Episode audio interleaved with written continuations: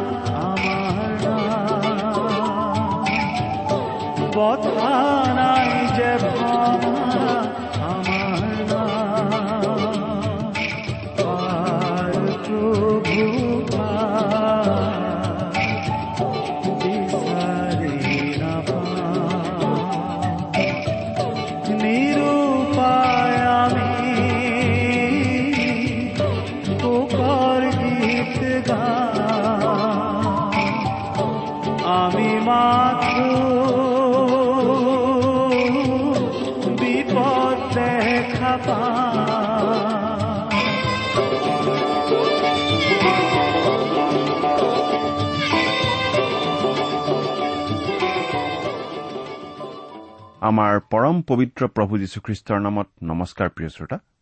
আশা কৰো মহান পিতা পৰমেশ্বৰৰ মহান অনুগ্ৰহত আপুনি ভালে কুশলে আছে। আচলতে এই পৃথিৱীত যে আমি জীয়াই আছো আমাৰ জীৱনৰ প্ৰতিটো পলৰ বাবে আমি ঈশ্বৰক ধন্যবাদ দিব লাগে। কিন্তু এই জীৱনৰ সিপাৰে যি অনন্ত জীৱন আছে সেই অনন্ত জীৱন যেন আমি স্বৰ্গত কটাব পাৰো তাৰ ব্যৱস্থা যে ঈশ্বৰে কৰিলে সেইবাবেহে আমি ঈশ্বৰক অধিক ধন্যবাদ দিব লাগে। ঈশ্বৰৰ সেই ব্যৱস্থাৰ কথা আমি তেওঁৰ মহান বাক্য বাইবেল শাস্ত্ৰত পাওঁ।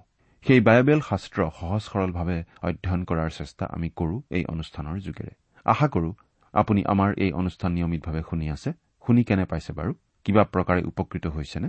অনুগ্ৰহ কৰি আমালৈ চিঠি লিখি জনাবচোন। আপোনালোকৰ পৰা চিঠি পত্ৰ পাবলৈ আমি আশাৰে বাট চাই থাকো। অনুগ্ৰহ কৰি আজিয়ে দুষাৰিমান লিখি পঠিয়াওকচোন। আহকচোন আজিৰ বাইবেল অধ্যয়ন আৰম্ভ কৰাৰ আগতে খন্তেক প্ৰাৰ্থনাত মূৰ দুৱাওঁ হওক। আমি প্ৰাৰ্থনা কৰো স্বৰ্গত থকা অসীম দয়ালু কৰোণাময় পিতা তোমাৰ তুলনা নাই। তোমাৰ প্ৰেম তোমাৰ কৰুণা তোমাৰ অনুগ্ৰহৰ কথা আমি বৰ্ণাই শেষ কৰিব নোৱাৰো। প্ৰভু যীশুৰ যোগেদি তুমি আমালৈ যি অনুগ্ৰহ দেখুৱালা তাৰ বাবে তোমাক অশেষ ধন্যবাদ পিতা। এতিয়া আমি তোমাৰ মহান বাক্য বাইবেল শাস্ত্ৰ অধ্যয়ন কৰিবলৈ আগবাঢ়িছো। তোমাৰ বাক্য তুমিয়েই আমাক বুজাই দিয়া পিতা। এই অনুষ্ঠানৰ আৰম্ভণিৰ পৰা শেষলৈকে তুমিয়েই আমাৰ চলাওঁতা হোৱা। অনুষ্ঠান শুনি থকা প্ৰতিজন শ্ৰোতাৰ জীৱনত তোমাৰ মহান অনুগ্ৰহৰ আশীৰ্বাদ প্ৰকাশ পাই উঠিবলৈ দিয়া। তেওঁলোকৰ জীৱন সৰ্বাংগ সুন্দৰ কৰি তোলা। কিয়নো এই প্ৰাৰ্থনা আমাৰ মহান ত্ৰাণকৰ্তা প্ৰভু যীশুখ্ৰীষ্টৰ নামত আগবঢ়াইছো। প্ৰিয় শ্ৰোতা আপুনি আমাৰ আগৰ অনুষ্ঠানটো শুনিছিল নে বাৰু? আমি বাৰু কি অধ্যয়ন কৰিছিলো আপোনাৰ মনত আছেনে? আমি এতিয়া বাইবেলৰ নতুন নিয়ম খণ্ডৰ ইফিচিয়াবিলাকৰ প্ৰতি পত্ৰ নামৰ পুস্তকখন অধ্যয়ন কৰি আছো। নহয় জানো? আমি যোৱা অনুষ্ঠানত এই ইফিচিয়া পত্ৰৰ প্ৰথম অধ্যায়ৰ প্ৰথম পদ দুটা পঢ়ি তাৰ ওপৰত আলোচনা আগবঢ়াইছিলো। এই প্ৰথম পদ দুটাত পাচনি পৌলে চিঠিখন আৰম্ভ কৰিছে নিজৰ চমু চিনাকি দি।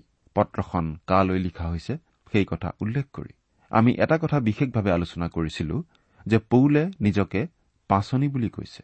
তেওঁ কোনো মানুহৰ ইচ্ছা অনুসৰি নহয় নাইবা নিজৰ ব্যক্তিগত আকাংক্ষা পূৰণৰ বাবেও নহয় একমাত্ৰ ঈশ্বৰৰ ইচ্ছা অনুসৰিহে পাচনি ৰূপে আমন্ত্ৰিত। নিজৰ চিনাকি দিয়াৰ পাছত পাচনি পৌলে। ইফিচিয়াত থকা মণ্ডলীৰ লোকসকললৈ বিশেষ শুভেচ্ছা জনাইছে। আমি এই কথা উল্লেখ কৰিছিলো যে যদিও এই চিঠিখন ইফিচিয়া মণ্ডলীলৈ লিখা হৈছিল আচলতে চিঠিখন আন সকলো মণ্ডলীলৈ উদ্দেশ্য কৰি লিখা হৈছিল আৰু বিভিন্ন মণ্ডলীত এই চিঠিখন পঢ়ি শুনোৱা হৈছিল। এতিয়া আমি এই প্ৰথম অধ্যায়ৰ দ্বিতীয়টো মূল ভাগত প্ৰৱেশ কৰিম।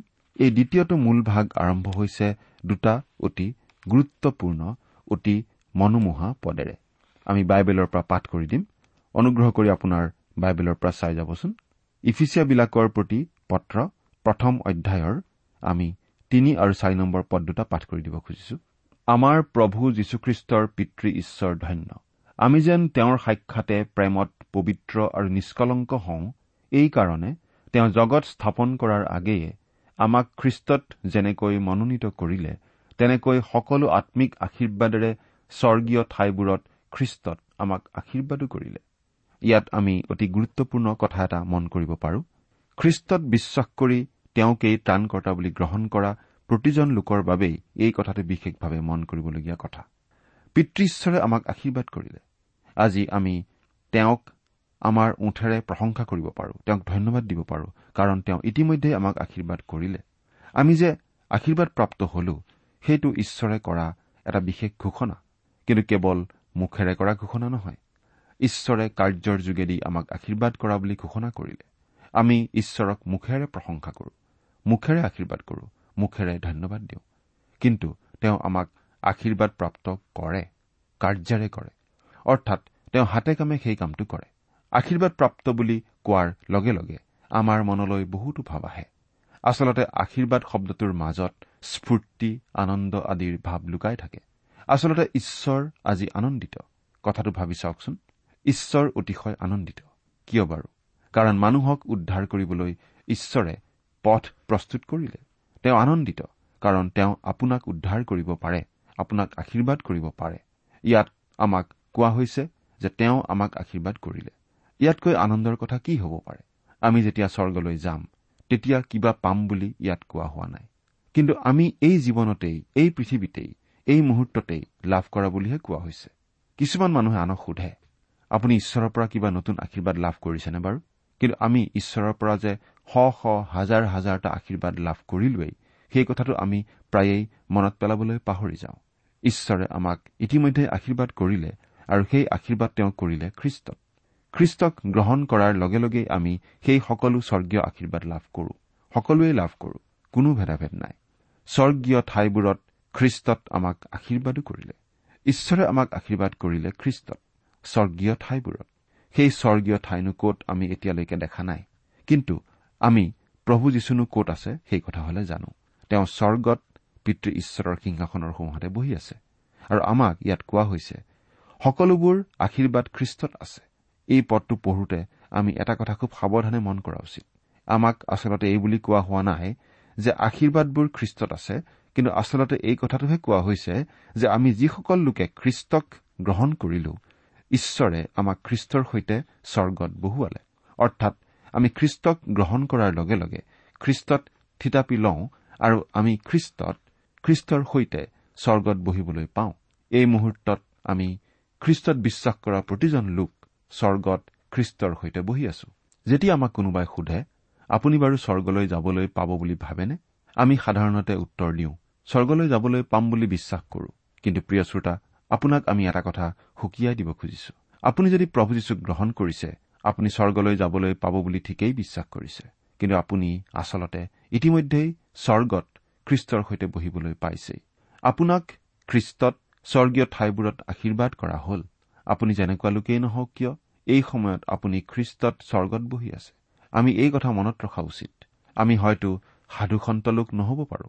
কিন্তু যদিহে আমি খ্ৰীষ্টক গ্ৰহণ কৰিছো আমি ঈশ্বৰৰ সন্তান হৈছো আৰু আমি ইতিমধ্যেই খ্ৰীষ্টত স্থান পাইছো। এই কথাটো কেতিয়াবা আমি অলপ ভুল বুজাৰো সম্ভাৱনা থাকে। এবাৰ এজন বিখ্যাত শিক্ষকে এই পদটোৰ ভিত্তিত শাস্ত্ৰ শিক্ষা দিছিল। শাস্ত্ৰ শিক্ষা শেষ হোৱাৰ পাছত এজন লোকক প্ৰাৰ্থনা কৰিবলৈ কোৱা হল। মানুহজনে এনেদৰে প্ৰাৰ্থনা কৰিবলৈ আৰম্ভ কৰিলে হে প্ৰভু আমি তোমাক ধন্যবাদ দিওঁ কাৰণ আজি ৰাতিপুৱা আমি স্বৰ্গীয় ঠাইবোৰত খ্ৰীষ্টৰ সৈতে বহিবলৈ পাইছো। সেই মানুহজনে আচলতে কথাটো ভুলকৈ বুজিলে। আমি কোনো বাইবেল অধ্যয়নৰ শ্ৰেণীলৈ আহি এনেকুৱা চমকপ্ৰদ সত্য বুজি পাইহে স্বৰ্গীয় ঠাইবোৰত বহিবলৈ নাপাওঁ। আচলতে আমি অতি ভাগৰুৱা অতি জুৰুলা অতি দুৰ্বল অৱস্থাত থকা সময়তো খ্ৰীষ্টত স্বৰ্গীয় ঠাইবোৰত বহিবলৈ পাওঁ। বহি থাকো। যদিহে আমি খ্ৰীষ্টত বিশ্বাস কৰা খ্ৰীষ্টত আশ্ৰয় লোৱা ব্যক্তি। মুঠতে খ্ৰীষ্টত বিশ্বাস কৰা প্ৰতিজন ব্যক্তিৰ ক্ষেত্ৰতে এই কথাটো খাটে এই বিশেষ সুবিধা এই বিশেষ মৰ্যাদা প্ৰতিজন খ্ৰীষ্টীয় বিশ্বাসীকে দিয়া হৈছে। প্ৰিয় শ্ৰোতা এইটো অবিশ্বাস্য হলেও সত্য কথা। এই কথাটো অলপ সময় চিন্তা কৰি চাওকচোন। আমাৰ প্ৰভু যীশুখ্ৰীষ্টৰ পিতৃ ঈশ্বৰ ধন্য। আমি আমাৰ পিতৃ ঈশ্বৰক ধন্যবাদ দিওঁ। তেওঁৰ প্ৰশংসা কৰো। কিয় বাৰু? কাৰণ তেওঁ আমাক আশীৰ্বাদ কৰিলে। তেওঁ আমাক সকলোবোৰ আম্মিক আশীৰ্বাদেৰে আশীৰ্বাদ কৰিলে। এই কথাখিনিৰ লগত সামঞ্জস্য ৰাখি আমি জীহুচোৱাৰ কথা মনত পেলাব পাৰোঁ। আমি পুৰণি নিয়মত ইতিমধ্যেই জীহুচোৱাৰ কথা অধ্যয়ন কৰি আহিছো। আমি পঢ়িবলৈ পাইছিলো যে ঈশ্বৰে কনান দেশ ইছৰাইলীয় লোকসকলক দিছিল। কনান দেশ আচলতে স্বৰ্গৰ প্ৰতীক নহয়। কনান দেশ আচলতে আমি আজি বাস কৰা এই পৃথিৱীখনৰহে প্ৰতীক। কনান দেশ স্বৰ্গৰ প্ৰতীক হবই নোৱাৰে কাৰণ সেই দেশ অধিকাৰ কৰিবলৈ তেওঁলোকে শত্ৰুৰ মুখামুখি হ'ব লগা হৈছিল। যুদ্ধ জয় কৰি সেই দেশ অধিকাৰ কৰি ল'ব লগা হৈছিল। আজিও আচলতে আমাৰ আম্মিক যুঁজ বাগৰ চলি আছে এই পৃথিৱীতেই। যেতিয়া আমি স্বৰ্গলৈ যাম তাত কোনো ধৰণৰ আম্মিক যুঁজ বাগৰ আৰু নাথাকিব। মন কৰিবলগীয়া কথা এইটোৱেই যে ঈশ্বৰে তেওঁলোকক কণান দেশ দিছিল। তেওঁলোকে মাত্ৰ সেই দখলী স্বত্ব দাবী কৰি লৈ ঠাইবোৰ অধিকাৰ কৰি ল'ব লগা হৈছিল। ঈশ্বৰে যীহুচোৱাক কৈছিল যি যি ঠাইত তোমালোকে ভৰি দিবা মই মুচিক কোৱাৰ দৰে সেই সকলো ঠাই তোমালোককো দিলো। যীহুচোৱা এক নম্বৰ অধ্যায়ৰ তিনি নম্বৰ পদ। আৰু যীহুচোৱাই ক'ব পাৰিছিল হয় প্ৰভু আপুনি ইতিমধ্যেই দিছে আমাক ভৰি দিবলৈ আৰু অধিকাৰ কৰি ল'বলৈ সহায় কৰক।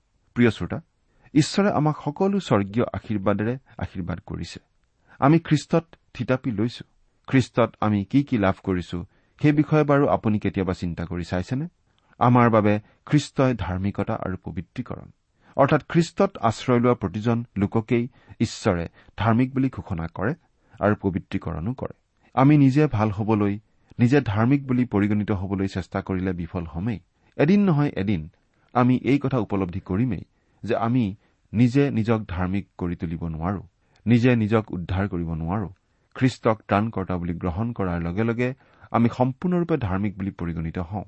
কিন্তু খ্ৰীষ্টক গ্ৰহণ কৰি পৰিত্ৰাণ লাভ কৰাৰ পাছতো আমি নিজৰ চেষ্টাৰে সৎ জীৱন যাপন কৰিবলৈ চেষ্টা কৰি সফল হ'ব নোৱাৰো।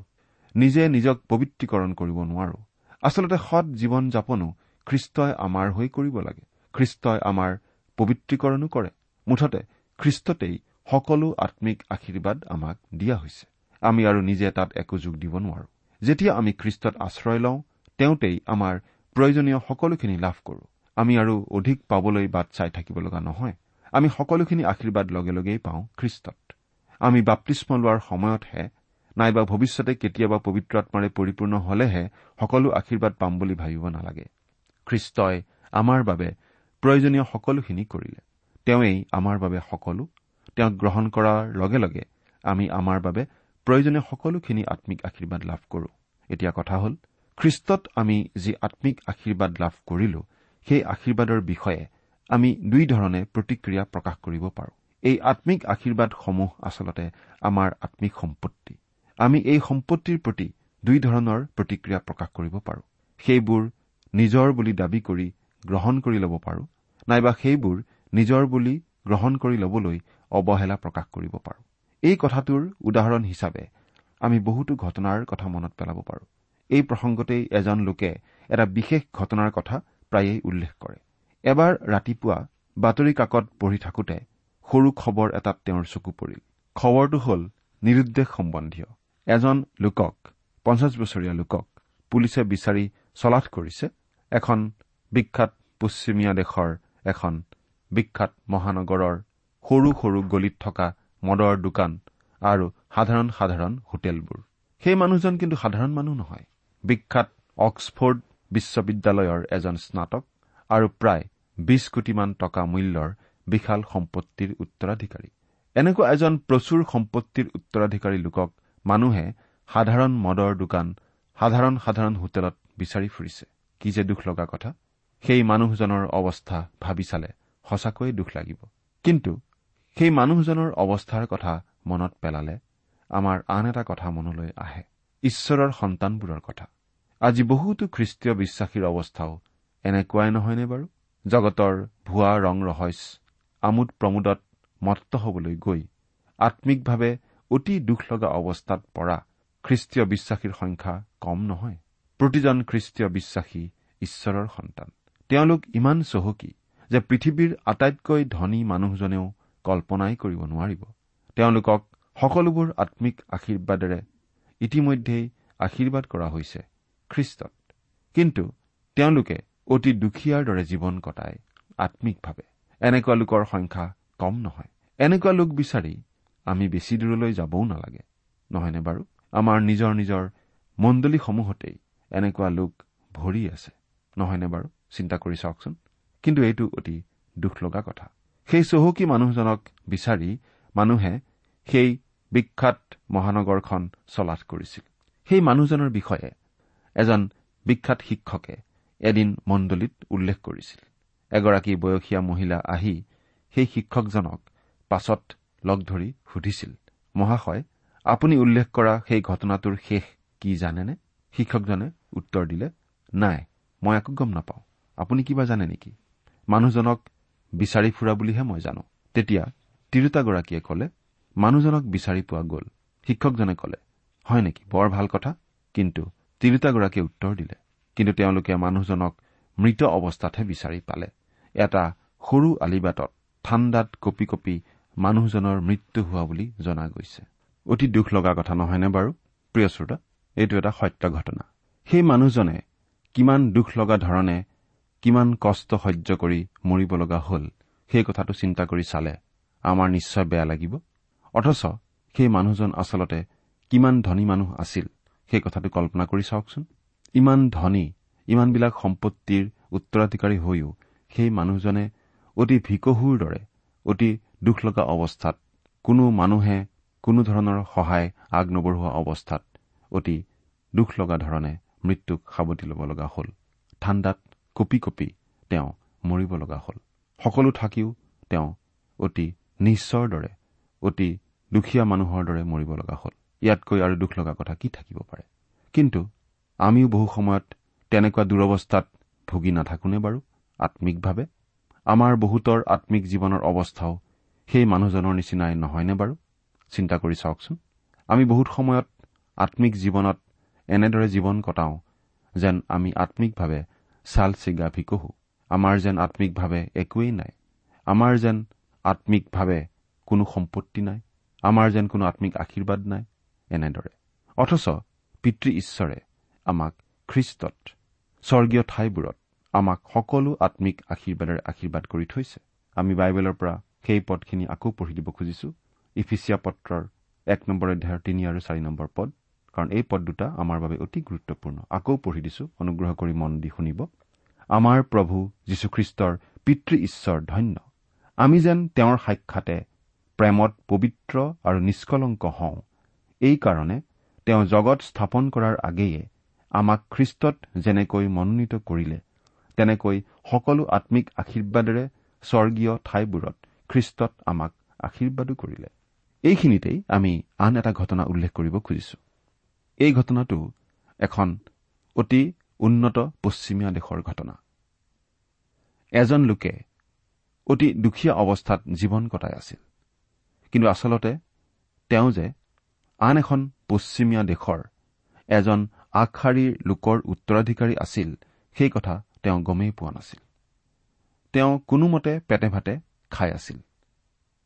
সেই আনখন পশ্চিমীয়া দেশৰ সেই বিশেষ প্ৰভাৱশালী লোকজনৰ মৃত্যু হোৱাৰ পাছত সেই দেশৰ কৰ্তৃপক্ষই তেওঁৰ উত্তৰাধিকাৰীজন বিচাৰি চলাথ কৰি কৰি এইখন পশ্চিমীয়া দেশ পালেগৈ আৰু তেওঁলোকে সেই দুখীয়া মানুহজনক বিচাৰি উলিয়ালেগৈ। তেওঁ যে প্ৰচুৰ ধন সম্পত্তিৰ উত্তৰাধিকাৰী সেই কথাটো সেই দুখীয়া মানুহজনক কোৱা হল। কথাটো সকলোফালে প্ৰচাৰিত হল। সেই দুখীয়া মানুহজনে তেতিয়া কি কৰিলে জানেনে প্ৰিয় শ্ৰোতা? তেওঁ ভাল কাপোৰ এযোৰ চিলালে। আনৰ পৰা ধাৰ লৈ হলেও তেওঁ সেই কাপোৰ চিলালে।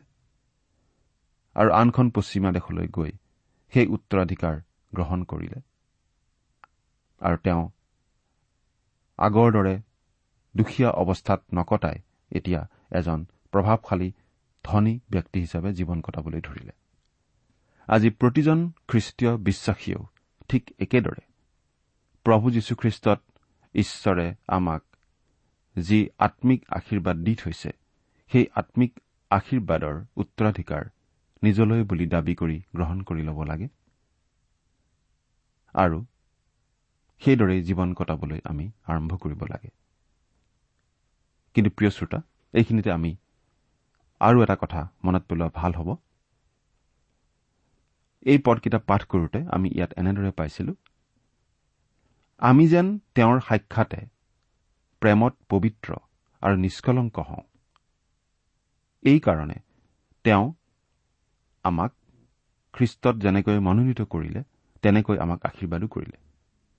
অৰ্থাৎ প্ৰভু যীশুখ্ৰীষ্টত আমাক পিতৃ ঈশ্বৰে সকলো আম্মিক আশীৰ্বাদেৰে যে আশীৰ্বাদ কৰিলে সেইটো এটা বিশেষ উদ্দেশ্যতহে তেওঁ কৰিলে। আৰু সেই উদ্দেশ্যটো কি? আমি যেন তেওঁৰ সাক্ষাতে প্ৰেমত পবিত্ৰ আৰু নিষ্কলংক হওঁ। প্ৰেমত পবিত্ৰ আৰু নিষ্কলংক। অৰ্থাৎ অকপট প্ৰেম কোনো দুখ নথকা কোনো খুট নথকা প্ৰেম। এই প্ৰেমত যাতে আমি নিষ্কলংক হওঁ। আমাৰ নিজৰ নিজৰ জীৱনত এই প্ৰেম প্ৰকাশ পাই যাতে উঠে। তাৰ বাবে ঈশ্বৰে আমাক আচলতে সকলো আম্মিক আশীৰ্বাদৰ আশীৰ্বাদ কৰিলে।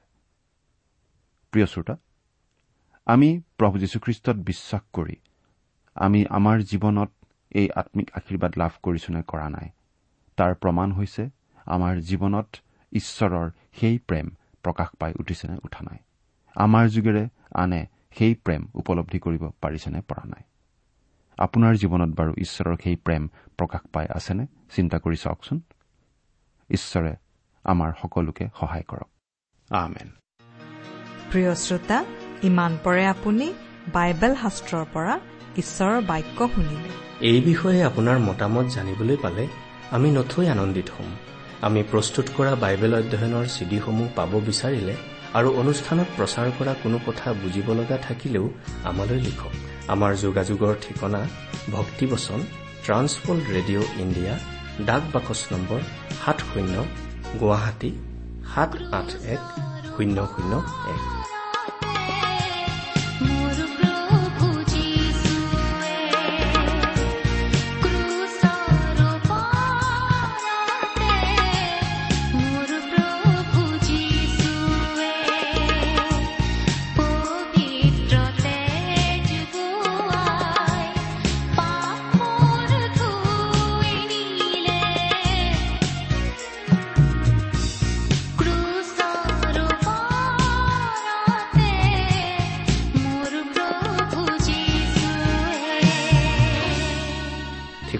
আকৌ এবাৰ কৈছো ভক্তিবচন ট্ৰান্সৱৰ্ল্ড ৰেডিঅ' ইণ্ডিয়া ডাক বাকচ নম্বৰ সাত শূন্য গুৱাহাটী সাত আঠ এক শূন্য শূন্য এক। আমাৰ ইমেইল এড্ৰেছটো হৈছে Assamese T TV at the rate radio' eight eight two dot com.